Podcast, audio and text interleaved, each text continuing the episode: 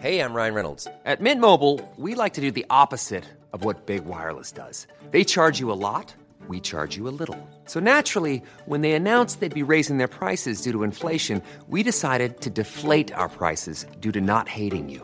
That's right. We're cutting the price of Mint Unlimited from $30 a month to just $15 a month. Give it a try at mintmobile.com slash switch. $45 upfront for three months plus taxes and fees. Promo rate for new customers for limited time. Unlimited more than 40 gigabytes per month. Slows. Full terms at mintmobile.com. Hej alla fotbollsälskare där ute! Vet ni vad? Vi gör det här tillsammans med Telia och de har ett fantastiskt erbjudande till dig som älskar fotboll. Telia har nämligen ett paket som samlar all fotboll. Och då menar jag just all fotboll. Från Telia, Discovery, TV4 Play och Viaplay för bara 699 kronor. Ni hörde rätt. 699 kronor kan ni få se Premier League, Champions League, Allsvenskan, Bundesliga, La Liga, Serie A. Ja, ni hör. De underbaraste och största ligorna där ute och även här på hemmaplan med Allsvenskan. Så för 699 kronor kan ni se all fotboll och som en liten bonus, det är ingen bindningstid. Så du kan börja streama direkt. Mm, ni hör. Att samla sporten smartare. Det är Telia. Nu fortsätter podden. God lyssning.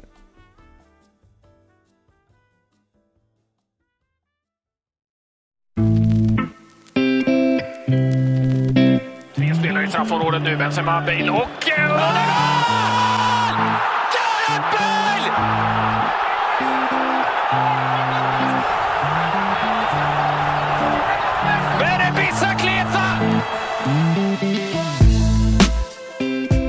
Efter att i flera år ha kommenterat inte minst Premier League och Champions League för Viaplay har Anders Bjurs röst blivit välkänd i Sverige. I podden berättar Bjur om sin väg till att bli en av Sveriges främsta kommentatorer. Där han tagit den långa vägen och började med att kommentera betydligt mindre ligor och matcher. Det kanske är lite gamla skolan också att jag tänker att jag, jag kan inte börja med att göra Premier League eller Champions League eller vad det nu hade på den tiden. Utan jag får börja och göra de här matcherna.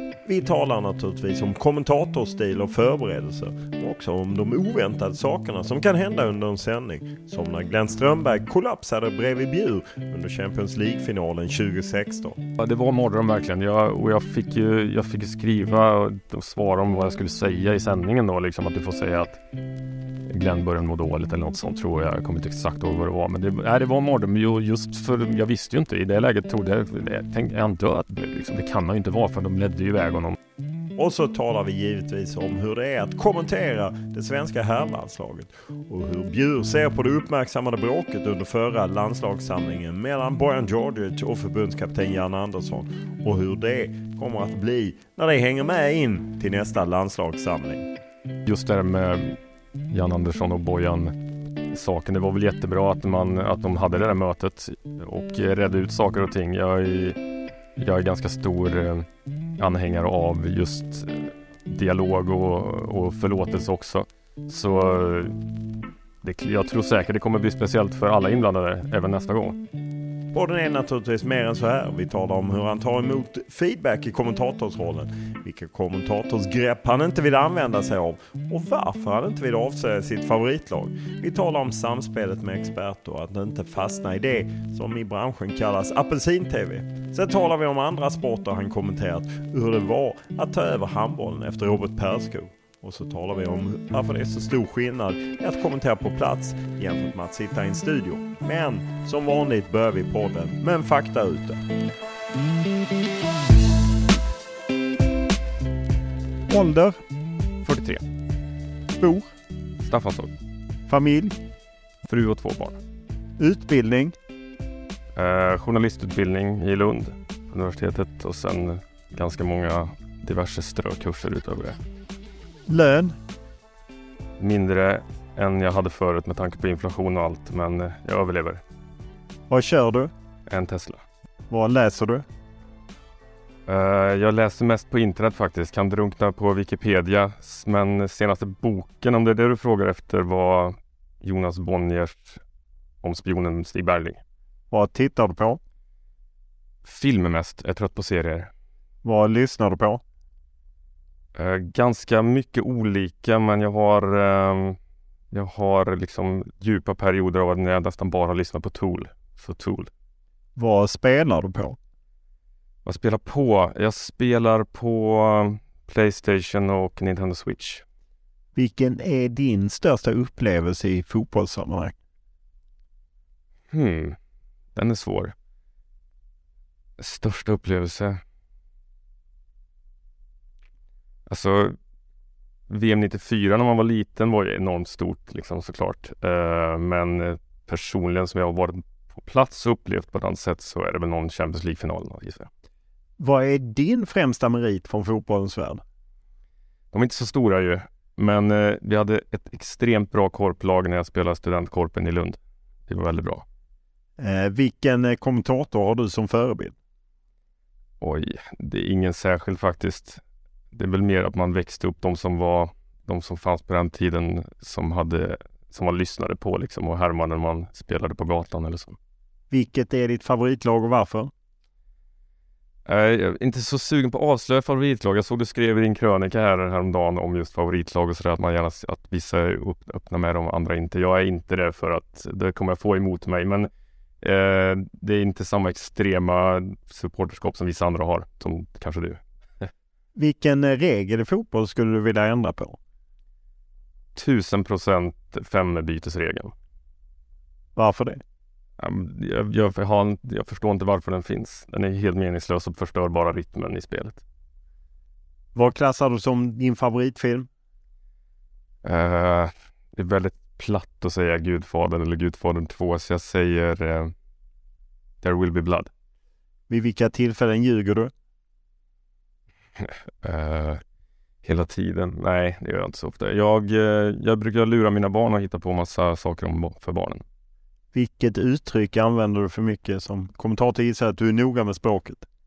Ja, det där varierar lite grann för man upptäcker ju ett och sen så gör man sig av med det. Men eh, just nu så tror jag det är att jag säger minst sagt väldigt mycket. Eh, om vi tar bort idrott och hälsa, vad var du bäst på i skolan? Geografi och historia. Om du hade behövt byta jobb, vad hade du gjort istället? Svårt. Jag har, eh, jag har väldigt svårt för att se mig ett jobb där man liksom jobbar måndag till fredag. Så alla de jobben kan vi ta bort, sen något annat. Eh, när grät du senast? Eh, häromdagen, jag läste en, ett reportage om det där mordet på en Adriana, 12-åriga flicka.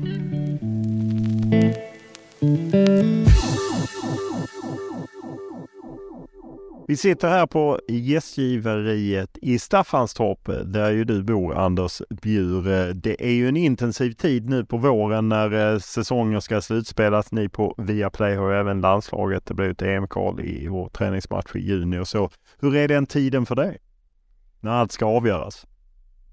Eh, den är, den är ganska varierande. Den är som du säger väldigt intensiv. Där man, men man, man gillar ju den här tiden väldigt mycket såklart. Särskilt om ligorna lever. Vilket de ju efter Citys slakt på Arsenal häromdagen kanske inte gör lika mycket som de gjorde för några veckor sedan. Men man vet inte, det kan mycket hända, hända mycket saker fortfarande. Så den, är, den är intensiv, det händer mycket men den är också det roligaste tiden. Du kommenterar ju mycket Premier League. Ni har ju även Europa League och Europa Conference League. Och, så var lägger du liksom din mesta kraft när du hänger med och följer? Och, Uh, absolut Premier League får det bli. Det är ju det man gör mest, alltså mängdmässigt flest matcher. Det andra är mest spretigt liksom. Jag ser ganska mycket Serie A och, och La Liga också. Så, men Premier League hänger med mest och sen ser jag alltid Champions League och, och uh, Europa League. Men jag jobbar oftast med Europa League också. Så. Men Premier League är det man följer hårdast såklart. Eh, om man ser en vanlig vecka, hur ser schemat ut? Hur, hur mycket är du ute och reser? Du kan ju åka till Köpenhamn och kommentera där att man sitter i en liten box och, och, och låtsas att man är på plats. Det gör ju även vi på Simon och många andra kommentatorer. Medan ni är ju på plats i England och så. Hur, hur varierar en vecka? Eller hur skiljer sig veckorna åt och hur ser det ut? Alltså det spelar ju väldigt stor roll beroende på om man är on-site eller inte då, eller alltså på plats. Eh, och eh, men om vi tar den här veckan så jag ska på plats nästa tisdag är det tror jag. Arsenal Chelsea är det då. Så men annars är det ju man förbereder matcherna hemifrån. Jag har hemmakontor så jag sitter där.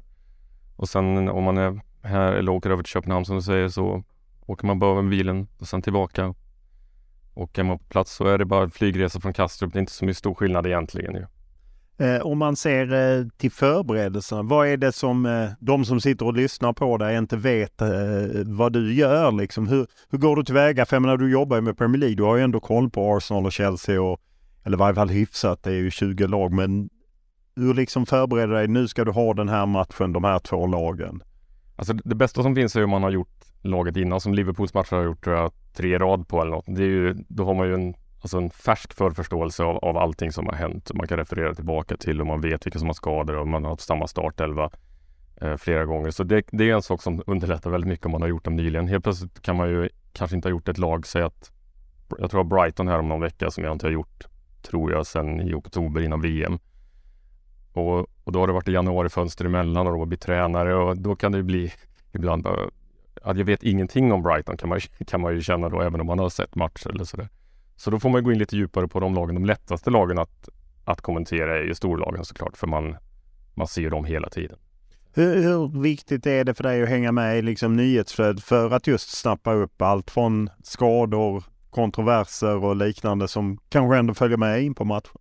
Alltså där är ju Twitter ett uh, största hjälpmedlet för mig i alla fall. Alltså just det där löpande nyhetsflödet. Och sen plockar man inte upp allt men sen när man väl sätter sig och ska förbereda matchen då läser man artiklar om lagen och andra previews som BBC eller vad det nu är som har skrivit om, om matchen eller, eller andra saker. Och då, där får man ju mer färskt också på lagens hemsida om skador och sånt. Så då går man ändå mer i specifikt men då kan man ju ibland känna ah, just det, det där läste jag på Twitter för tre dagar sedan att det hade hänt och så vidare. Eh, hur mycket tid går åt eh, till att förbereda sig? Om vi inte tar Liverpool som du gjort tre matcher, vad där det gör sig av sig Det varierar ju men eh, alltså, när jag sitter och jobbar så eh, kan jag vara ganska um, ofokuserad också när jag förbereder matchen. I och med att jag är hemma så kan jag ju sitta i, i en timme och jobba och sen så går jag och äter lunch och kanske plockar upp efter barnen eller, eh, eller sådär. Så det är svårt att säga men kanske sex timmar en normal match, något sånt. Ibland när jag sitter eh, nära Lasse Granqvist så ser jag olika, liksom han har eh, skrivit och det är färgschema och pennor och så. Vad har du för upplägg kring att kommentera och skriva ner eh, eh ja, laguppställningar och info du vill ha med dig? Hur lägger du upp det? Alltså jag, fick ett, jag började jobba i Köpenhamn för länge sedan och då fick jag tips om en dansk. Man gjorde liksom en liten, en liten lapp, klisterlapp om varje spelare i, i truppen och så skrev man ut dem och så satte man ut dem på ett papper. Men tills i år är jag väldigt nöjd så har jag gått över till en helt digital lösning så jag har det på en stor tablet istället och, och har alla saker där och sen har jag ett dokument om själva matchen och sen så två, två sidor med lagen och sen en med matchen så att säga. Ja, Okej, okay. men då kan du liksom klicka dig fram under matchens gång på ja, liksom i din eh, padda eller tablet? Det kan man säga. Hur, hur eh, mycket uppdaterar du den eller kommer den informationen från någon databas som du? Alltså mina, mina spelare är ju min egen databas egentligen från 10-15 år av kommentering. Så och de, kan jag ju liksom flytta över dem när de byter lag eller jag kan uppdatera dem under säsong och liknande. Statistiken uppdaterar ju på varje spelare inför varje match. Sen kan jag ju, och det där matchdokumentet som jag pratar om, det är ju nytt för varje gång. Eh, om du säger, du har ju kommenterat ett rätt bra tag. Hur upplever du att publikens förväntan förändrats? Eh, om jag, det jag tänker på är ju att man för ju längre det har gått, ju mer information idag har ju de som följer Liverpool till exempel. De kan ju mycket mer än vad vi som kanske bevakar Liverpool kan för att de följer allt så att säga. Hur, hur känner du att det har påverkat din roll? Ja, men jag, jag tyckte nästan det var värre förr faktiskt när Twitter och så började komma fram och folk blev mer eh, aktiva där. Då tyckte det var nästan hårdare klimat än vad det är idag konstigt nog. Alla säger att det blir värre och värre och värre men jag tycker nästan att det har blivit lite bättre. Att folk liksom har lärt sig att att, eh, ja, men, att man inte kan skriva vad som helst på nätet. Förr kanske man kunde vara mer anonym och sånt också men eh, man ja, Det är egentligen samma sak där tycker jag. Att de små lagen som i så fall är svårare. De som är, alltså är man inbiten supporter för ett, li, ett lite mindre lag så Alltså Liverpool vet vi ju alla om, eller Chelsea vet vi alla om, eller vad det nu är, United. så det, det, är nästan svårare på de mindre. Så ibland tycker jag att jag, jag lägger nog mer, ner mer tid på när det är lite mindre klubbar faktiskt. Då får man jobba ännu hårdare. Men jag förbereder mig ungefär på samma sätt oavsett vilken match det är. Liksom. Har du under matchens gång eh, uppe Twitter så att du kan få reaktioner att någon tycker att, eh, ja men såg du inte att eller såg ni inte det? Det borde bli ett straff eller vad det nu må vara. Alltså jag har, jag har koll löpande på Twitter då och då under matchen. Just att någon skriver till mig, såg du inte det? Det händer väldigt sällan. I så fall så brukar man upptäcka det själv på repris eller så eh, ja, men, så kan man söka upp något om man är osäker på något så kan man det, då kan jag ibland använda sökfunktionen på, på Twitter just då, för där är de väldigt snabba ju på att ja, men det var det här var anledningen till det och ibland när man sitter off-tube så kan man ju missa saker. Helt plötsligt börjar någon applådera utan man fattar varför och så kan det vara något som någon visar på arenan som man inte själv ser i bild eller liknande. Så, så vid sådana tillfällen får man ju fuska lite om man sitter hemifrån eller off-tube. Eh, just det, att jobba off-tube, hur eh, mycket svårare är det med tanke på att det kan vara saker som man inte upptäcker, som man kanske upptäcker på ett annat sätt när man är där? Så grejen är den att det är både svårare och lättare. För eh, lättare så tillvida att du har ju koll på repriser och du har eh, kanske tillgång till att kolla saker på internet eller du kan prata med studion på ett annat sätt eller, eller kontrollrummet. Eh, men sen är det som sagt svårare på, and på andra sätt. Liksom man, saker runt om som man inte upptäcker. Och, så, men det är verkligen både och. Däremot så får du en annan puls på att vara på plats givetvis. Det, det är ju, så är det ju. En off-tube-match när City leder med 3-0 efter 25 minuter det är ju inte... Det är svårt att uppbåda energi om man säger. Eh, hur mycket teknikoro har du? Eh, ibland när jag pratar med mina kollegor som kommenterar, de ska installera olika grejer och man kan eh, ibland eh, känna att vi har kommit långt tekniskt men ibland funkar inte ljudet och så. Hur, vilken oro känner du kring det? Eh, jag känner ingen oro faktiskt. Jag är nog, eh, ska inte såga mina kollegor, men jag är en av de som har minst problem tror jag med kommentatorsboxar och sånt som man ska ha med sig ut. Det finns vissa som har lite svårare med det, men eh, däremot så kan jag irritera mig när ljudet inte funkar såklart eh, och eh, man kan ibland få återgång till studion. Det är någon sladd som sitter i fel och man hör sig själv i retur, vilket gör det omöjligt att kommentera för om man hör sig själv två sekunder efteråt hela tiden så blir man, man blir helt galen. Det är väl en tortyrmetod till och med tror jag. Så, men eh, nej, jag har väldigt lite teknikoro faktiskt. Eh, om man ser till finaler, du har gjort ett antal Champions League-finaler, några finaler kommer ju upp här. Hur, hur liksom lägger du fram att ja, men jag vill gärna göra Europa League-finalen för jag har tagit det laget hela vägen eller jag vill göra det här eller hur går det till? Det som går urvalsprocessen är jag ju inte inblandad i direkt faktiskt, eh, utan eh, man får bara veta det. Så att du framför inte ens till eh, ledningen att jag vill gärna göra den här för jag har gjort det laget? Eller? Nej, nej, det brukar jag väldigt sällan göra. Det är klart, eller jag, jag hoppas att de förstår att man vill göra finalerna. Det vore ju konstigt annars. Jag tycker att det är underförstått att jag, att jag gärna gör det och att jag är tillgänglig att göra dem. Men jag, jag brukar inte ligga på så mycket och göra saker. Hur är skillnaden just att gå in i en final eh, med alla de moment som finns där? Det kan bli förlängning, kan bli straffar, eh, allt det. Och det är ju uppskruvat på ett annat sätt än vad en ligamatch är i, i november eller februari. Det är klart det är mer saker att tänka på och jag sa att jag förbereder alla matcher på samma sätt eh, just när det gäller till exempel en Champions League-final då, så då, då förbereder man sig 125 procent om det nu finns något sånt. Och, så det är skillnaden. Jag liksom sorterar mer och lägger in det liksom i vad ska man säga, i, i, olika ämnen i mitt dokument för att lättare kunna hitta det snabbare och det, mängden blir mycket större av förberedelser.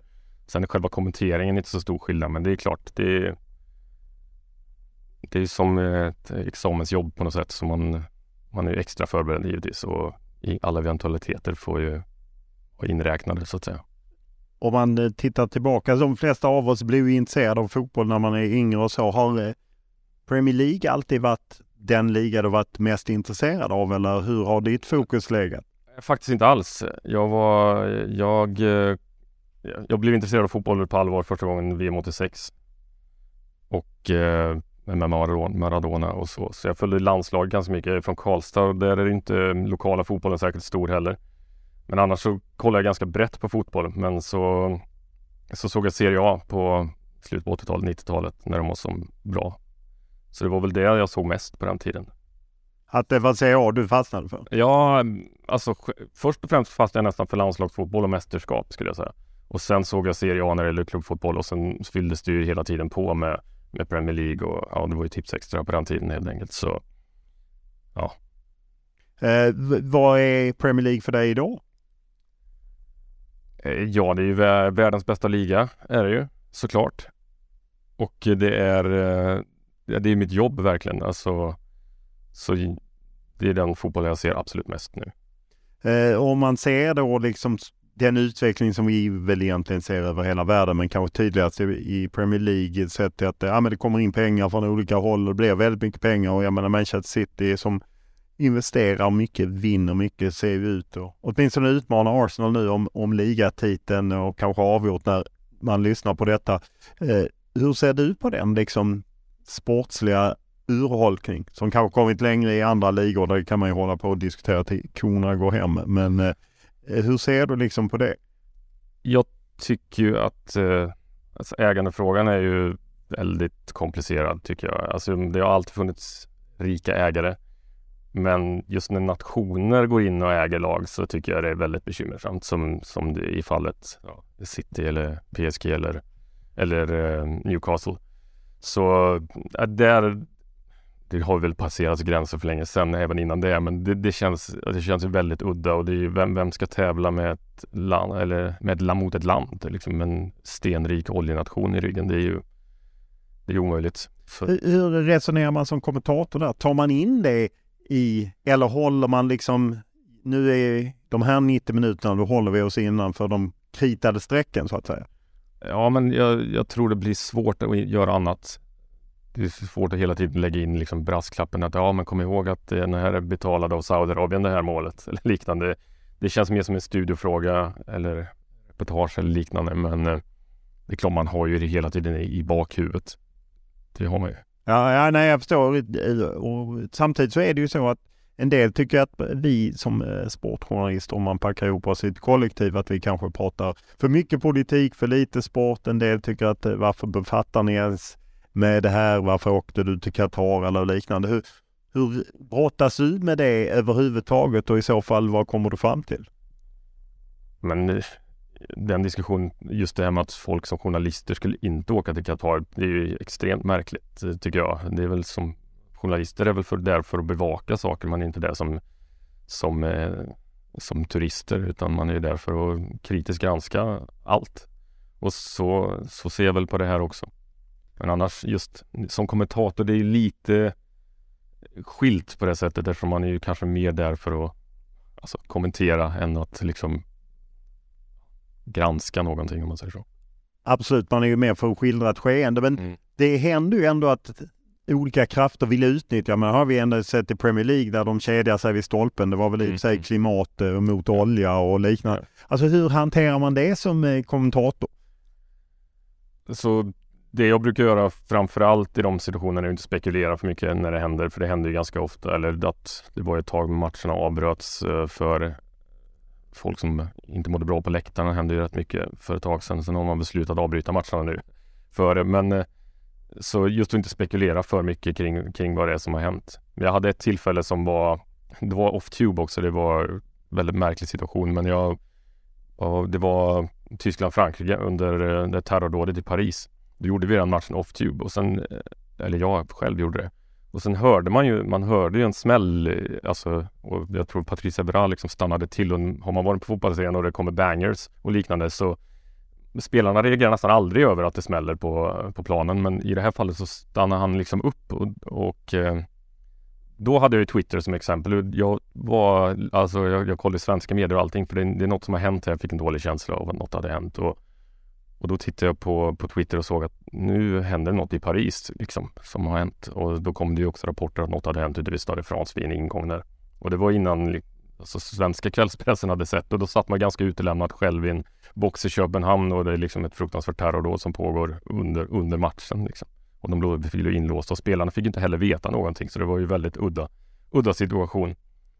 Så... Ja, det låter, eh, ja, jobbigt utifrån den att man vill berätta men man just eh, kanske inte vill spekulera? Nej men det, det är väl det klassiska i liveskeenden att man berättar det du vet och spekulera inte och upprepa bara det som har hänt.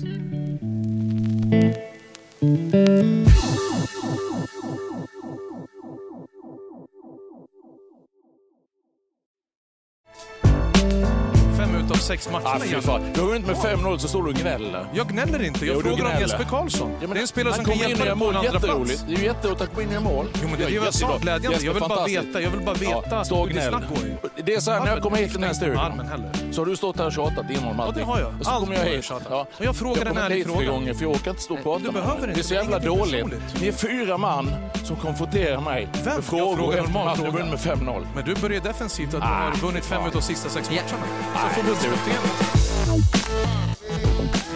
Ni på Viaplay har ju tagit över landslaget, kör ju EM, eller körde ju Nations League först och nu EM-kvalet. Du gjorde ju Belgien-förlusten, sen eh, gjorde du inte Azerbajdzjan-segern. Hur är det att köra landslaget? Du som, eh, där din kärlek började med landslaget. ja men det var, det är superkul ju. Alltså det är något, eh, jag hade inte kommenterat svenska landslaget i alla fall. Vi har ju haft landskamper väldigt mycket innan också. Förr i tiden såldes ju kvalmatcherna separat för olika länder. Och sen har vi gjort Copa America och, och Afrikanska mästerskapen och sånt också. Men just svenska landslaget, det är speciellt. Det är ju alltså, där är det ju ungefär på samma nivå som jag sa med Champions League-final liksom att man nu är det ju examen, nu får man höja sig och, och göra sitt bästa. Så där. Vad är din eh, relation just i landslaget? Alltså den är väl som alla andra som är fotbollsintresserade svenskar tror jag.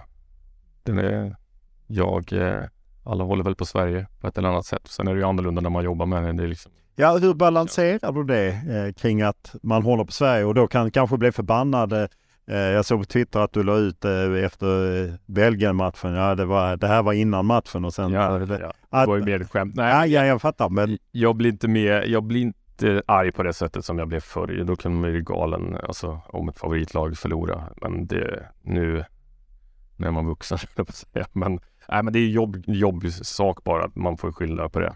Professionalismen och jag har inga större svårigheter med att kommentera Sverige eller såga Sverige eller hålla, hålla nivån på det sättet. hur blir det? Nu vet jag ju inte om det, du gör matchen i Wien. Det kanske inte du vet heller. Men om du gör den med tanke på det som hände efter Azerbajdzjan-matchen där Janne Andersson ju och Bojan Djordjic har väl ingen missat den, eh, eh, den situationen. Hur blir det liksom för er? För att det blir ju på något sätt ett fokus på Viaplay då och nu ska ni bevaka landslaget och man kan ju säga att eh, ni har inte haft många segrar. Det är två segrar, ett kryss och fem förluster på de matcher, Ja. vilket väl kanske har speglat Men det är ju inte vårt fel. Nej, jag skojar. utan jag bara menar att det kanske Nej. speglade att ni har pratat mer negativt om landslaget, vilket är naturligt när det har gått så dåligt. Och inte bara vi väl, utan Nej. alla, alla har gjort det och det ska vi väl göra. Det är helt rimligt med tanke på den alltså insatsen i Nations League var ju visst, det var ju jättemycket skador, men det var ju det var inte bra någonstans ju.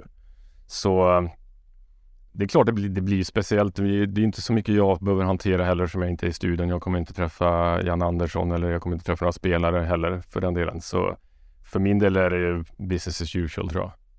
Men blir det inte ändå en viss anspänning utan jag liksom inte lägger någon värdering utan jag bara konstaterar att en del menar att ja men eh, Seymour som hade landslaget innan, ni var inte så kritiska. Nej men då gick det ju bättre för landslaget. Samma med Discovery, de tog sig till VM. Ja, tog sig till EM, det var ju lättare. Medan här blir det nu kommer det i varje fall bli en väldig fokus på första matchen. Jag menar, om det är du så ska du ändå sitta och prata 90 minuter och säga att de förlorar mot Öster. Alltså, det blir ju ändå en speciell match. Det är lätt att säga att det blir business as usual, men jag tror inte att det blir business as usual inför. Nej, men alltså jag, jag det, det känner jag inga, ingen press eller svårigheter kring, kring den grejen. Jag, det, för mig är det, alltså det som hände i studion påverkar inte mitt jobb liksom kring det. Och sen att jag, vet, jag tror att vi tar på oss lite för stor roll om det är att via Plays kritik mot landslaget ska ha någonting på deras eh, prestation att göra. Det, är- jag tror andra orsaker är större. Nej, du misstolkar mig. Jag säger inte att det ska påverka landslagsprestation. Jag menar mer att folk kommer vara rätt nyfikna. Vilka är, Absolut, det vilka är vara. studion? Hur kommer Viaplay hantera den här? Det är mer det jag Ja, det handlar om. ja. Inte så mycket om Jag är själv nyfiken kanske. Ja, ja, ja, Ja, precis. ja. Hur, hur tror du ändå att det blir? Nej, men jag tror alltså just det här med Jan Andersson och Bojan saken. Det var väl jättebra att, man, att de hade det där mötet och redde ut saker och ting. Jag är, jag är ganska stor eh, anhängare av just eh, dialog och, och förlåtelse också. Så det, jag tror säkert det kommer bli speciellt för alla inblandade även nästa gång. Men jag, jag tror nog de kommer lösa det. Jag tror nog att Jan Andersson kommer akta sig ganska mycket från att vara från att brusa upp. Det, det kan man nog misstänka. Han kommer inte ifrågasätta några frågor. Hur mycket har ni pratat om det?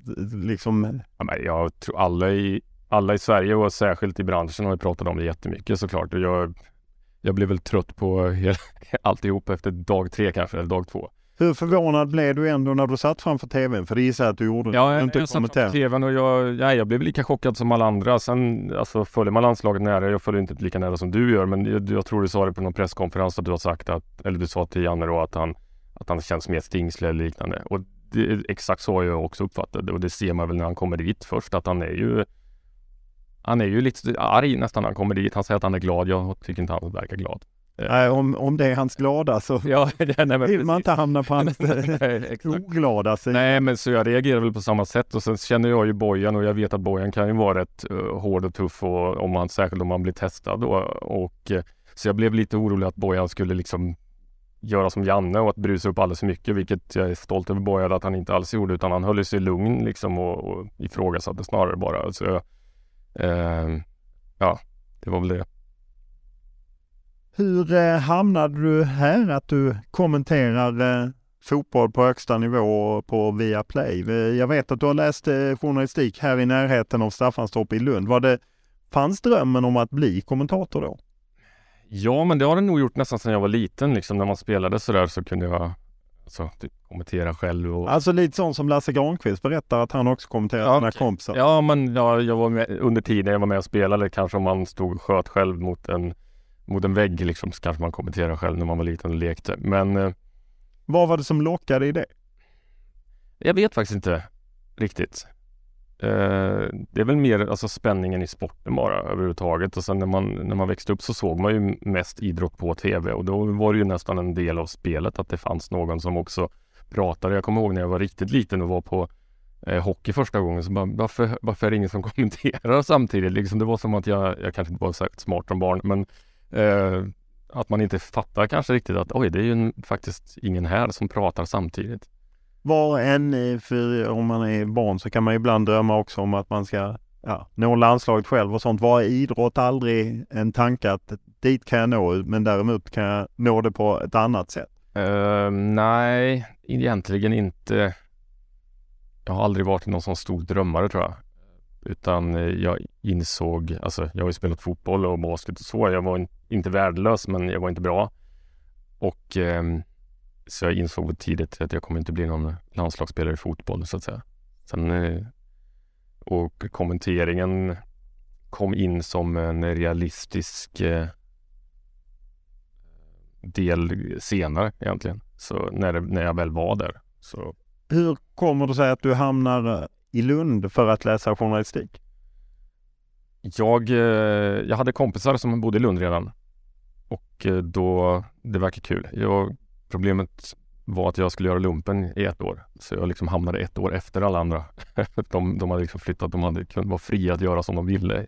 Vilket jag inte var eh, under ett år. Så ett år senare så flyttade jag också dit helt enkelt. Och så läste jag lite grejer och sen eh, så sökte jag till journalistutbildning. Man var tvungen att ha läst två år för att kunna söka den här tvååriga journalistutbildningen som fanns då i Lund. Vad var det som lockade med journalistiken? Det låter inte på dig som att du tänkte dig att jag ska vara Uppdrag granskning eller Nej, men förbättra världen. jag, all, nej, nej, gud nej. Men jag, nej, men jag har alltid varit intresserad av omvärld, omvärlden sen jag breakade Palmemordet för mina föräldrar som sjuåring. Så kände jag det är ändå... Det här Ja, Du berättade för dem att Ja, han hade det, det det. var ju Det var väl en lördag då blir det va? Ja. ja. Och det skulle väl vara så Godmorgon Sverige eller något med barnprogram där på morgonen och så var ju alla de eh, Ja det var inte Det fanns ju inga program allt, det var bara Palme överallt Och det gick jag upp och berättade, väckte mina föräldrar och berättade för dem att eh, Palme var skjuten Och död Eh, Så att eh, då dras du in i, i journalistiken Ja. och börjar läsa. Men finns tanken då att jag ska, detta ska bli en väg in till liksom sportjournalistik och kanske kommentering? Nej men jag, sen, sen som sagt jag har liksom inte riktigt haft den eh, journalistdrömmen heller eh, på något, alltså jag var väl lite osäker på vad jag skulle göra ganska länge. Ska säga. Och sen så sökte jag mig till slut ditåt. För du, jag vet att du jobbar eh, åt eh, Viasat till en början. Mm, I Danmark. Ja. Vad- Hur kommer det sig att du hamnar i Danmark? Jag, eh, jag hade precis slutat min utbildning och så min kompis Anders Sedhammer, vet du vem det är? Ja, oh ja, som eh, nu driver ett agentbolag innan dess. Eh, Exakt, på Discovery. Discovery. Och även han, han hade sökt ett jobb och så sökte de journalister på Viasat som hette väl då. Jag kommer knappt ihåg vad vi har hetat. Men Viasat var det då i Danmark.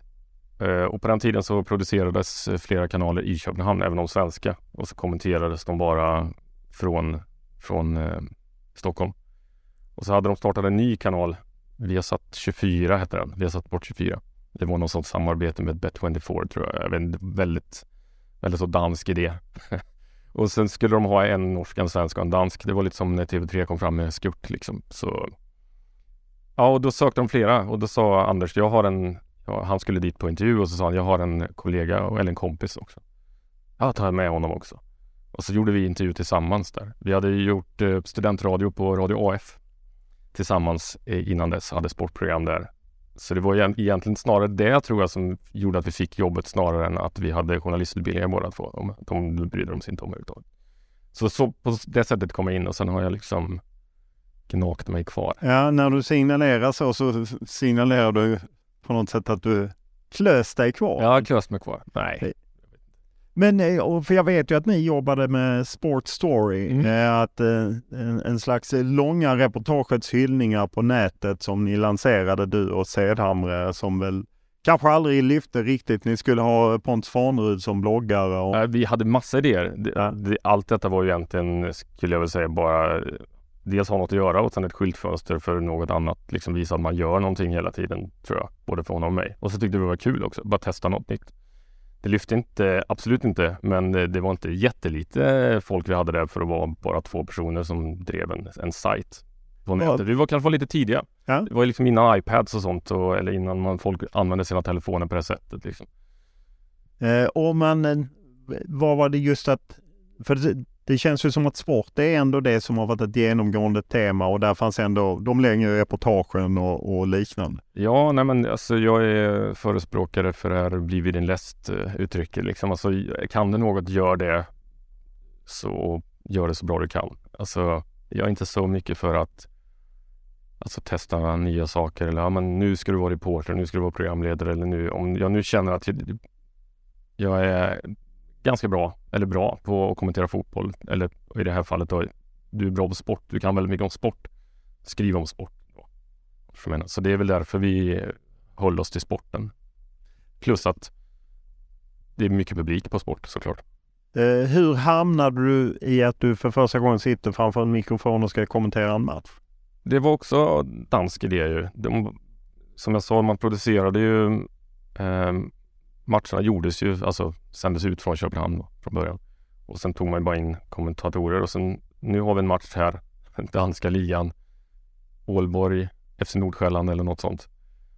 Vi behöver en svensk kommentator på den här matchen. Och sen de uppe i Stockholm hade ingen. Och då sa jag, du gör den. Ja, okej. Det här, det är inte så noga. Den är imorgon, kör. Typ. Och för mig själv var det ju väldigt stort även om den gick liksom på Viasat Sport 2. Eh, 17-0 vet jag. Jag menar hur många tittare var på Ålborgets Nordsjälland. Fyra. Med mig och teknikern inräknade tror jag. Så, så på det sättet var det faktiskt. Och eh, ja, det, danskar är ganska roliga på det sättet ju för att de, de kör ju på ett helt annat sätt än vad man gör i Sverige. Här ska ju saker och ting ja, stöpas ganska länge innan, innan det liksom drar igång. På gott och ont kanske. Hur kände du efter den matchen? Jag tyckte det var, det kändes eh, väldigt kul ju. Alltså, jag, jag kände väl ändå från början att jag tror att jag skulle vara ganska bra på det och eh, ja, ja, det är något jag ändå velat göra. Så det kändes bra. Sen var det ändå dansk eh, ligamatch, men det kom flera. Ja, hur, hur gick det vidare? Hur var, så, lyssnade de eller var det någon som lyssnade och gav feedback och sa att det, du måste göra mer? Eh, nej, det tror jag inte. jag vet inte om någon lyssnade. Jag tror inte danskarna satt och lyssnade på svensk kommentering. Nej, det fattar jag i och för sig, men eh, för så... Eh, Och vi var ju liksom, eh, vi var ju anställda av Danmark på den tiden. Så mm, Nej, men det bara kom fler. Alltså det brukar ofta bara dyka upp lediga tider i schemat till slut. Så, Eh, ibland får man just frågan, ja men hur kom du dit? Och eh, man kan ju emellanåt, även jag funderar på hur mycket tillfälligheter det är att man får. Hur, hur ofta tänker du på det, att det, att det är just små tillfälligheter? Ja, men jag, jag brukar säga det ibland, ibland folk skriver till en sådär på Instagram eller något och ber om tips och hur ska man bli det och hur ska man bli det och jag, jag brukar väl säga att det är hårt arbete en tredjedel ungefär och sen talang en tredjedel och sen just som du säger slump en tredjedel. Att det bara är tillfälligheter, att man har lite flyt bara. Men de andra, det är som man brukar säga, ett bra lag har tur. Liksom är, är, gör de två andra delarna mycket och bra, så, eller har mycket talang då, och så, då, då brukar den här turen bli, komma oftare än tillfälligheterna ofta.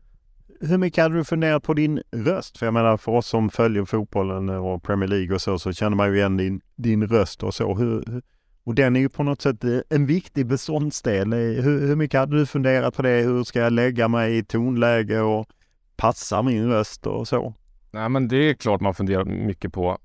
Jag tror, jag har inte sådär jätteutbredd dialekt åt något håll. Eller det kanske andra tycker, men jag är inte jättebred i alla fall.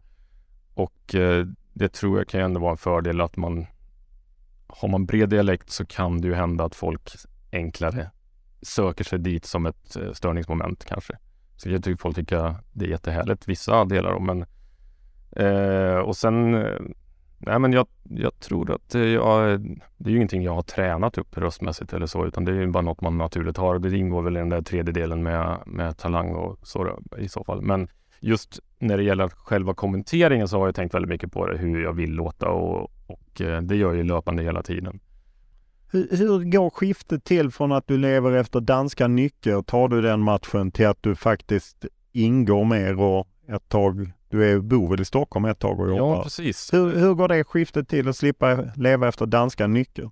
Jag fick leva efter svenska nycker istället men då Ja men de la ner den här kanalen efter ett år kanske.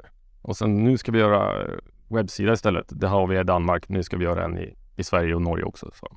Ja okej, då gör vi det. Så då fick vi börja göra det istället. Och efter ytterligare ett halvår så sa de nu ska webbsidan flytta till Stockholm. Ja okej, då gör vi det också. Så, så hängde man med dit. Sen efter ett halvår där så bara nej nu ska vi inte ha, det var jag och Anders Edhamre fortfarande. Så våran provanställning gick ut. Eh, aldrig jobbat så hårt kan jag säga som jag gjorde det halvåret. Det var bara sex och en halv dag i veckan. 12-13 timmar om dagen. Ja, det, var, det, var, det var en snudd på slaveri kan jag säga. Eh, eh, och då sa de nej men vi, vi ska ha en annan lösning nu och sen så fick vi lämna då. Och det var ju en tung smäll. Att ni fick gå helt? Ja precis, exakt. Det var en tung smäll. Men sen, Det var MTG-style? det var det, exakt. Old school MTG. Och eh, sen, eh, ja, men sen fanns det ju ändå matcher som behövde göras då, för då hade man ju ändå kommenterat löpande samtidigt som man hade gjort de här sex och en halv dagarnas arbete på hemsidan. Och eh, ja, men då hörde folk de av sig igen och kan du göra den här matchen och kan du göra den här matchen på, på frilansbasis då istället. Och sen har ju det stegrats. Jag har gjort Eh, Jag har svårt att se att någon har kommenterat fler franska ligamatcher än, än jag har gjort. Alltså för det kändes som jag, det var det enda jag gjorde i fyra, fem år liksom. Lördag, söndag 21.00. Hur är det att kommentera de matcherna där man misstänker att det kanske inte är 100 000 som sitter och tittar utan det kanske är 100 max? På den, på den tiden hade jag ju inget annat jobb heller. Så för mig var det ju bara att jag, jag behöver pengarna också. Och eh, så får man ju påminna sig själv att jag kommenterar ändå en fotbollsmatch och får betalt för det. Så just det här med hur många som tittar har aldrig varit jätterelevant för mig faktiskt, om jag ska vara ärlig. Det, Jag tänker att man får någon slags feedback. Om Ja. någon tittar så kanske ändå någon skriver att eh, fan bra kommentering. Eller, alltså att alla människor vill väl ändå bli... Jag fattar att man du inte vill ha en miljon tittare eller det spelet, Nej, men nå- att någon ser en eller hör en i ditt fall.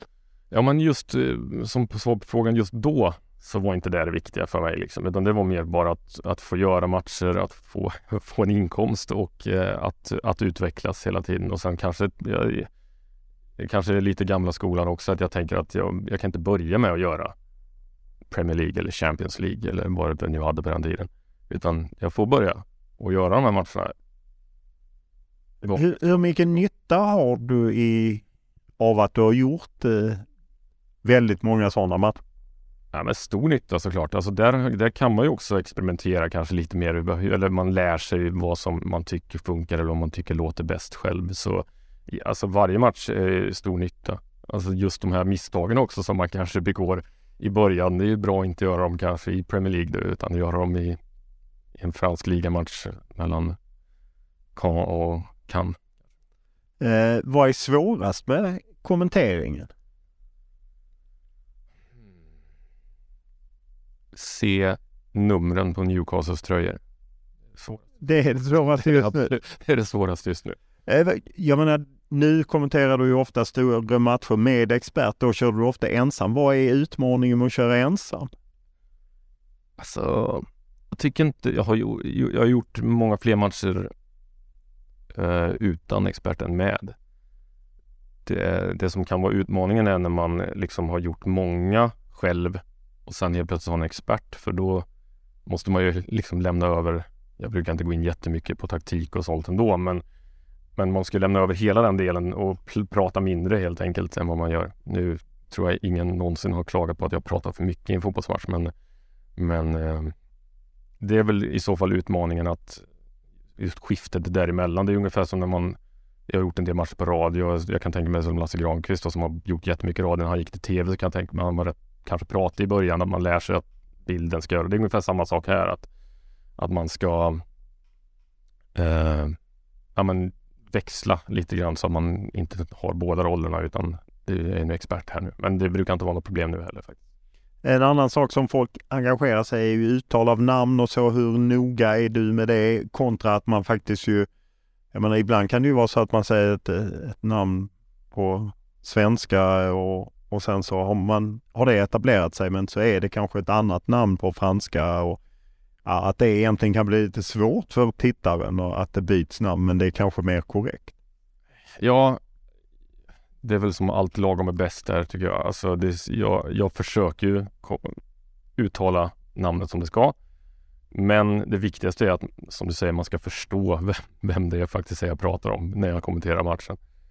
Men så, men det finns massa till exempel brassar eller portugisiska uttal som, alltså det är farligt, det är liksom Pandoras ask där liksom. När du väl börjar där så ska man, du, det här då, det här språket eller det här språket, det här är inte lika bra, här är inte lika bra. Så engelska uttal måste sitta, tycker jag. Och eh, sen liksom lite fallande ordning då i storlek på språk nästan, tycker jag. Som, så ska det ju ändå vara, jag tycker det ska vara rätt. Alltså, Hur mycket av det ansvaret ligger på dig och hur mycket ligger på redaktionen? Eh, nästan allt ligger på kommentatorn tycker jag. Sen eh, och sen kan man ju liksom ha tips om man hört att många säger olika eller så kan man ju kanske säga att så här uttalas det här, lyssna på detta och så, så kanske fler ändrar sig eller så gör man inte och så är man van och så glömmer man bort sig och det kan ju hända också. Så. Men eh, så nej men mest för mig. Jag är, ju som, jag är ju lite under radarn också redaktionellt eftersom jag sitter och dels som konsult, det är ju alla nästan, men sen är jag ju eh, bor 50-60 mil från Stockholm också så jag är inte, jag är inte där så ofta. Eh, taktiskt eh, så är ju åtminstone min känsla att, eh, att man ska kunna taktik mer idag än vad man kanske för 10-15 år sedan pratade om taktik. Hur, hur känner du kring det, kring fotbollskunnandet? Men jag är nog okej skulle jag säga. Jag försöker att inte gå in för djupt i det. Det är ju en sak som svar på din tidigare fråga när man är på plats. Liksom. Då kan man ju snabbt se vid ett byte eller vid fem byten som, som det är idag. Då, att man, positionsförflyttningar, de flyttar över dit. Nu spelar de helt plötsligt med fembackslinje eller så. Det, det kan ju ibland dröja flera minuter om man sitter off-tube för man liksom har inte sett den delen av planen på så länge. Medan man i on-site nästan ser det direkt. Så jag är, jag är okej men jag är en ganska noggrann med att inte göra massa utsvävningar så att säga. Eh, just det, feedback som man ju får av tittare, det gissar jag att du ändå får en del. Eh, vad, hur förhåller du dig till den? Den kan ju både vara hyllningar och eh, att folk är, är mer kritiska. Ja, alltså helt ärligt så det var lite det jag sa att folk har blivit bättre. Jag, jag får inte så jättemycket åt, åt, åt något håll. Men jag vet inte om det är bra. Det är väl liksom domaren brukar jag tänka med en kommentar. Men det är väl ett gott betyg på Ja, men exakt. Det är som en, med domaren liksom. Så länge man inte hör något så har det varit bra. Och eh, men alltså feedbacken, alltså det, om, man, om man gör ett misstag, det är väl bara att sätta upp handen och säga att man har gjort det i så fall. Och är det någon som är otrevlig så brukar jag säga att, de inte behöver vara det. Ofta är det ju så att de, de tycker man hållit på ett lag. Ja. Och det har ju hänt att man har fått från båda håll i samma match. Liksom. Så, och då brukar jag alltid fråga vilket lag håller du själv på? Så kan de ju sitta i en Tottenham-tröja på sin profilbild. Liksom. Det blir ju, så jag tar inte åt mig så mycket av just det. Jag fattar också att man kan bli arg. Jag brukar säga det, försök att ha telefonen så nära när du ser på fotboll. Det är ett tips för oftast 25 minuter senare så har de lugnat ner sig. Eh, nu gjorde jag ju lite research och fick något favoritlag du håller på men jag är schysst och inte röjer det så att säga så. Men varför är det känsligt tycker du? För jag kan ju ibland känna tvärtom att det är bättre att de vet att jag håller på Leeds Landskrona. Jag kan liksom inte sudda ut mitt förflutna. När jag var sex så kunde jag inte veta att jag skulle bli journalist. Nej, jag, jag, jag förstår ju det. Och jag, som sagt, jag har inte det hårdaste supporterskapet kanske som man hade när man var yngre heller. Men jag tycker bara att det känns mer bekvämt. Jag ser ju kommentatorer på annat håll som folk vet vad de har för favoritlag och när de spelar så hör man, ser man ju det ganska ofta på Twitter eller man ser att man har hört att de får skit om det och att jag vet inte, det är, illusionen av objektivitet är bättre tycker jag än att, än att eh, det är ändå skönt att du säger illusion. Ja, men jag, jag, jag, jag tror ingen har märkt att jag, att jag håller på vilket lag jag håller på om jag ska välja. Du är ju i Staffanstorp och verkar på något sätt långt från 08-miljön och, och håller ju rätt låg profil. Jag menar, jag vet ju att du är på Twitter och, och, och så, men inte jättemånga intervjuer när man söker på dig. Är, hur medvetet är det att du håller en låg profil? Ganska medvetet skulle jag säga. Alltså, det, nu är det inte så att folk står på kö. Att jag får liksom ha skyddad adress och sånt, men, eh, ja, men jag, jag har inte så mycket för att synas på det sättet. Liksom jag, och sen som journalist så kan jag tycka att eh, då är man det. Det behöver inte vara något mer heller liksom på det sättet. Sen, jag vet inte. Jag, jag, jag har inget jättestort behov av det bara, tror jag, att synas. Eh, bland kommentatorer så blir det ju ibland snack om att man har liksom förskrivet. Man kommenterar en Champions League-final eller man, en OS-final eller någonting och nu har man, det kan bli det här. Hur ofta har du det? Eh, jag har det vid inledningen av varje match. Så har jag skrivit vad jag ska säga, introt då, som manus. Sen under matchen har jag inget. Så du har ingenting nu, nu ska Lionel Messi avgöra Champions League-finalen eller vad det nu må vara som du kanske eventuellt kommenterar. Nej, det har jag inte. Hur ser du på det? Däremot har jag vid eh, pokallyft och sånt så kan jag ha det.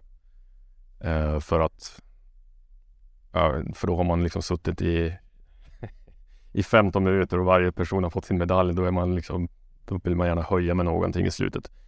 Eh, jag vet inte, jag, jag tycker eh, Vissa kanske känner sig mer bekväma i det. Jag gör inte det. Jag, det är det som jag gillar med kommentering, att det ska liksom sitta direkt och du ska bara ta det på uppstuds precis som du har gjort i 90 minuter. Så jag tycker att eh, det borde, däremot så kan du förstå vad som har hänt eller du har gjort i dina förberedelser. Du vet att, nu har jag inget exempel, men att om de vinner så är det 14 Champions League-titeln för Real Madrid eller så. Alltså sådana saker. Det, det ska ändå sitta där, men jag tycker det blir mer jag, jag tycker mig höra då så att säga när folk har manus. Och det är väl det som jag inte tycker om i kommentering i så fall. Jag tycker man ska att man ska vara spontan då. För bilden är ju att man har skrivit det där manuset för att man vet att det här kommer bli klassiska bilder och då vill man... Exakt. Nej, det, Det gillar du inte? big no-no för mig alltså. Nej, det är to each their own, men jag är absolut inte med för mig. Nej, nej. Eh, jag menar, du har ju en kollega, eh, Niklas Holmgren, eh, som ju lever med och som ju folk, många älskar ju li- liksom hans, eh, du känns ju som 180 grader ifrån honom. Hur, hur medvetet är det liksom att du inte vill vara den kommentatorn? Utan att jag säger att det ena är bättre än det andra. Nej, som Honken är ju inte bara skrik, han är ju Nej, verkligen. verklig kommentator. Så, men det har ju med personlighet att göra kanske också. Jag är, jag är knappast någon tyst person kanske, men eh, eh det- var en gammal kommentator för länge sedan. Jag vet inte om det var, kan det vara Plex eller någon tror jag. Som sa att kommentering skulle vara som undertexter och det är någonting jag brukar, brukar försöka följa. Att man, man är där för att ge en förståelse, extra saker till, till matchen, men du ska inte ta över matchen. Utan följa matchen bara. Om jag nu har några unga läs eller unga lyssnare så är Plex, alltså Sven Plex Pettersson som var legendarisk kommentator och journalist på SVT Sport. Väldigt bra för, röst. för länge sedan. Mm. Ja, precis. Men att det är undertextat att man ska liksom lite nästan Wallenbergs ja, verka Ja. men inte syna. Ja, ungefär faktiskt. Sen, men också förstås att förhöja då när det behövs. Alltså, Men är du till och med sån att du kan gärna sitta tyst ett tag för att du tycker att tystnaden kan vara talande i sig? absolut. Vad är det tystnaden tillför? Men eh, den tar ju framförallt bort, ibland, vi, allt behöver inte sägas. Det är som, eh, det är som ett manus i, i en film. Liksom. Det behöver inte explicit förklara saker och ting utan vi ser ju vad som händer.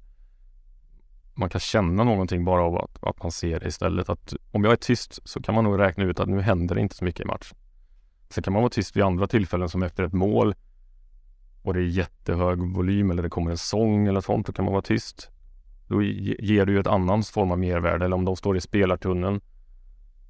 Får man vara tyst istället för att bara sitta och prata. För de kanske säger någonting som är väldigt mycket mer intressant än det jag har att säga. Som till exempel Liverpool-West Ham. Sist West Ham. Alltså jag är så extremt dålig på att komma ihåg matcher som jag gjort nyligen. Men West Ham fick väl inte en straffa. Och eh, Moise gick fram efter domaren efter matchen och kameran var precis på honom. Och eh, nu hörde man inte exakt vad han sa, men just då är man ju där och då är man ju precis vid kameran. Ska jag sitta och prata om att ah, West Ham är här i tabellen just nu? Eller det är ju, man får ju vara vaken där och följa bilderna helt enkelt. Ja, eh, apropå det, liksom det som lite i branschen kallas apelsin-tv, att man pratar om att det är en orange apelsin som alla ser.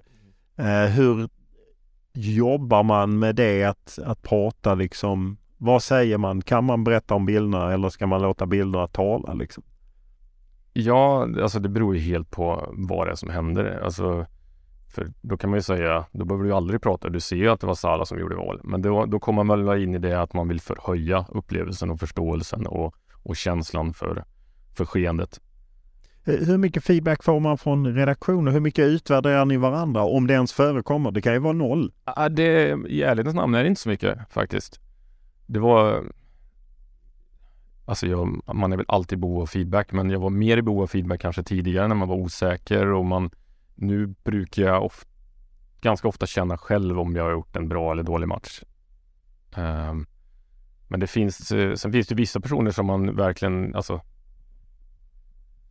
när man har kommit och kommenterat så många matcher som jag har gjort ändå, då kanske feedback från vissa personer är mer värd såklart än vad den kanske är från andra om jag inte ska vara för elak. Men eh, så det finns ju vissa personer som man tar till sig kanske mer av också vad de säger och, och då, jag lyssnar ju på feedback givetvis. Herregud, jag, man har ju aldrig en perfekt match på något sätt. Det här är ju, ja, många branscher är konkurrensutsatta, men det här känns väldigt konkurrensutsatt och jag menar, som du sa, jag tar för givet att eh, de vet att jag vill göra finalerna. Hur, hur hanterar ni det? För att ni är ju ena sidan kollegor samtidigt så vill någon gammal eh, chef sa till mig någon gång på TV4-sporten att det är rätt tufft att vara chef för att alla är alltid missnöjda. Man vill alltid göra alla matcher. Det kan de inte alla göra helt enkelt. Hur, hur hanterar du det? Alltså, det var lite som jag sa förut. Nu har ju inte jag haft så mycket att klaga på dem precis. Eftersom jag, jag, jag, jag tycker jag gör mycket roliga matcher och så.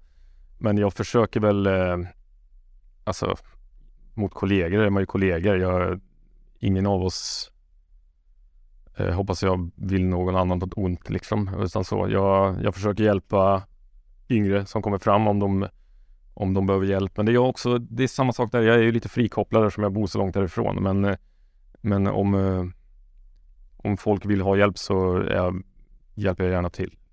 Svår fråga. Du gjorde ju ett gäng Champions League-finaler i rad. Min känsla är att du är etta på Viaplay på fotboll. Hur ser du på det?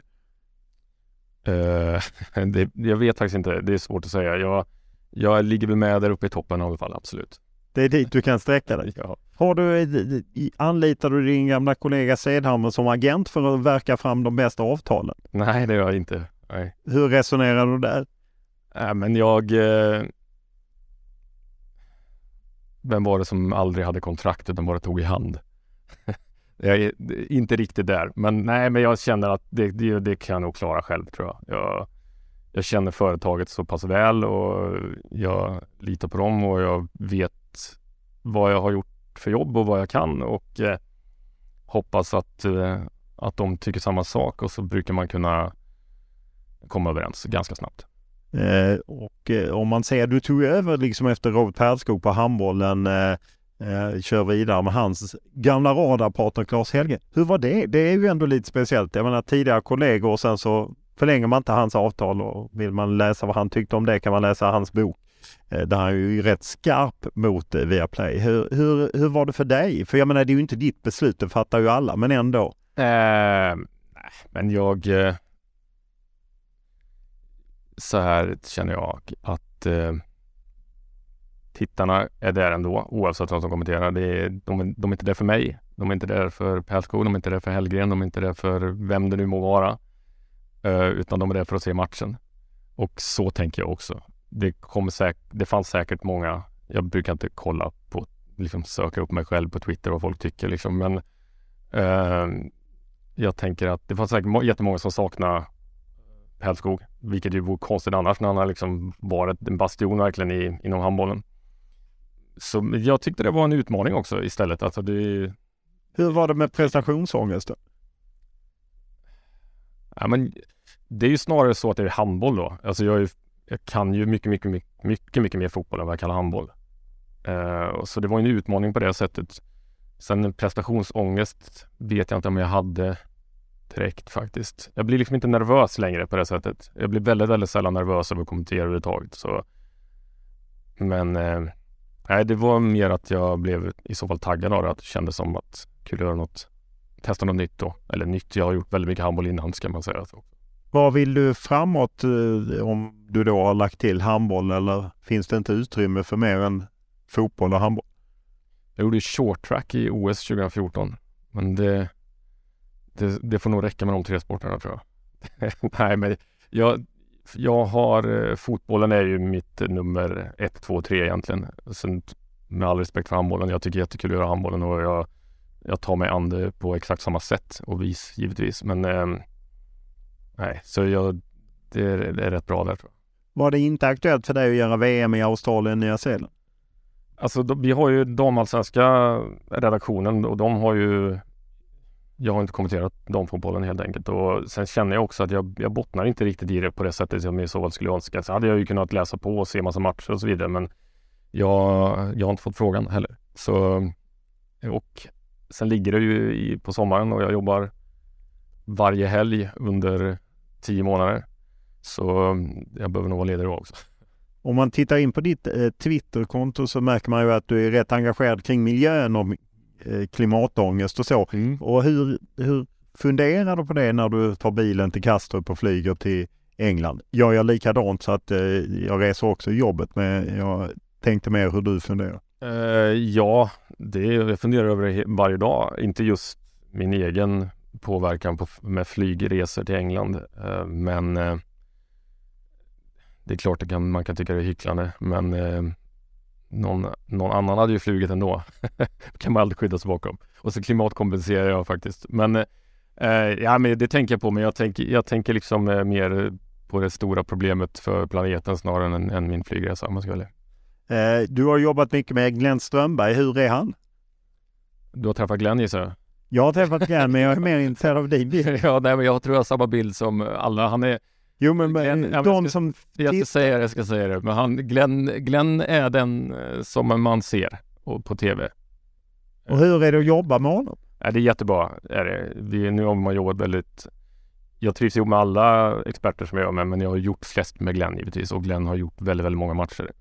Så han, eh, det är sömnfritt, sömnlöst liksom att man är med honom på det sättet att eh, så det, det funkar jättebra. Man, man känner ju varann liksom att här kommer han komma in och man kan liksom jag ställer aldrig frågor i min kommentering men jag, eh, man kan ju säga ett påstående som man antingen kan ta upp eller bara låta och släppa men jag kan ibland göra det för jag vet att det här kanske han vill säga något om. Eller, hur mycket snackar man inför en match att eh, ja, men vi har de här tre ämnena man kan ta eh, eller det här brinner jag eller inget sånt? Nej, jag gör inte det faktiskt så mycket. Det, det är också de där sakerna som är underförstått i, som jag vet att det här vet experterna om också. Däremot kan man säga hur man inleder, för man kanske inleder med någonting man lämnar över till experten så brukar jag ju säga jag kommer komma in på detta så du vet eller så.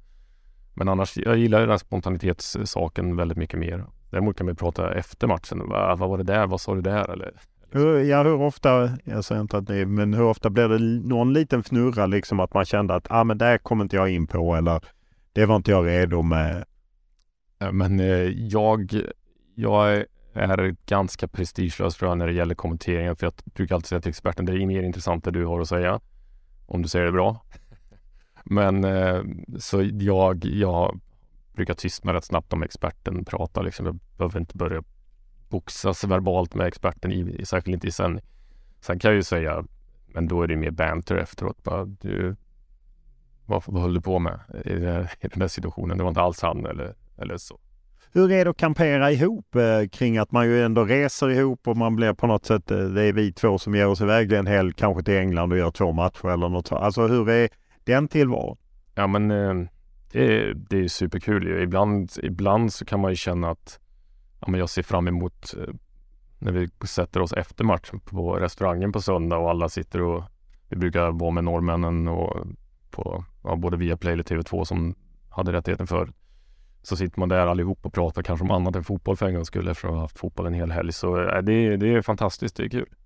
Eh, du känner ju, förlåt, så får du den här pulsen också av att vara on site. Den saknar man ju verkligen. Jag insåg det under pandemin hur mycket man saknar just just den här livepulsen att vara på plats och ha en livesändning som, som kommer. Det var ju alltså det kan ju ibland vara skönt att bara ta bilen över bron och sätta sig i Köpenhamn och vara tillbaka på fem timmar.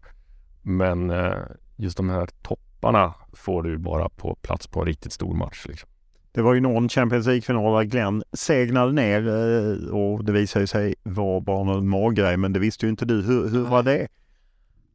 Det var ju min första Champions League-final också, så det var, ja, det var väldigt dramatiskt. Vi hade Frida Nordstrand, din nuvarande kollega, mellan oss också och sen satt Glenn där. Och sen så fick eh, Real Madrid fick frispark tror jag. Sen märkte jag att bara Glenn segnade ner och bara liksom nästan la sig på bordet. Och jag hade, jag hade haft släktingar som hade fått hjärtinfarkt något sånt år tidigare. Så det, och jag, jag trodde först att det var något sånt som hände. Så. Och sen var man den här show must go on feelingen där med att jag precis då så blev det ju mål också. Real Madrid. Var ju bara i 12-13 minuter eller något sånt. Uh, och då fick, fick jag säga Frida, du får ju gå och, häm, du får gå och hämta någon liksom, samtidigt. Och sen såg ju Glenn att det blev mål så han började försöka ta på sig lurarna igen och skulle börja försöka kommentera. Jag, bara, jag sa till honom, lägg ner dina lurar. Alltså, eller jag sa inte det utan jag fick göra det verbalt för vi ligger ute hela tiden. Sen fick jag messa studion att något har hänt med Glenn och sen så kom det ju ambulanspersonal och tog ner honom under tiden som man satt och kommenterade ja, den största matchen jag hade gjort i karriären till, ja, någonsin fortfarande. Så det var speciellt. Jag hade ont i halsen innan. Hade haft veckorna innan, så jag var sådär orolig att rösten skulle hålla. Jag tänkte, ja men jag har i alla fall en, jag har ju Glenn med mig så jag behöver inte prata så mycket liksom. Men så försvann ju han och det blev förlängning och det blev straffar och så. Men den höll till slutsignalen. Ja, och skönt att det inte var något med Glenn, men just den känslan att den för, största grejen man gör yrkesmässigt samtidigt någon en oroande måste vara ett Ja, det, mardröm. det var, det var, det var, det var mardröm verkligen. Jag, och jag fick ju, jag fick skriva och, och svara om vad jag skulle säga i sändningen då, liksom att du får säga att Glenn började må dåligt eller något sånt tror jag. Jag kommer inte exakt ihåg vad det var. Men det, nej, det var mardröm. Jo, just för jag visste ju inte. I det läget trodde jag, Tänk, är han död nu liksom? Det kan han ju inte vara för de ledde ju iväg honom. Så jag tänkte det kan, det hade varit väldigt, väldigt varmt i Milano den helgen eh, som det var. Eh, matchen spelades, det hade varit 30-32 grader och så kvavt. Så man tänkte väl att, han- att det kanske var något sånt, eller man hoppades att det skulle vara något sånt då. Men eh, nej, det var hemskt. Och sen i, i halvtid så då kollade jag Twitter. Och det var, jag kommer ihåg det var någon som skrev på You got this till mig typ. Alltså någon random person. Och då kände jag, du vet, jag fick ett lugn av det. Det, det låter kanske konstigt och, och, och lite barnsligt men det var, det var ändå, jag kände att ah, jag får ta tag i det här nu. Och sen så fick jag besked om att Glenn var på eh, var omhändertagen och att de var okej liksom. Och då, då släppte det.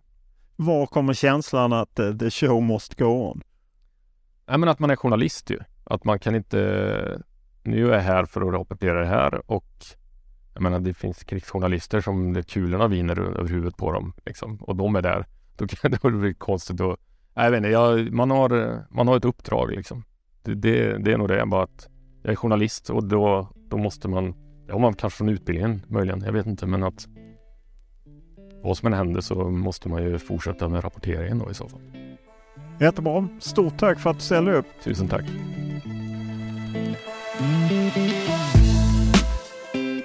Podden är producerad av Max Richner och klippt av Daniel Eriksson. Och vi hör gärna vad ni tycker, tänker, önskar och kritiserar eller vad det nu må vara. Enklast är mejla mig olof.lund.tv4.se eller skriv till mig på Twitter eller Instagram och då är det Olof Lund som gäller i ett ord. Stort tack för den här veckan.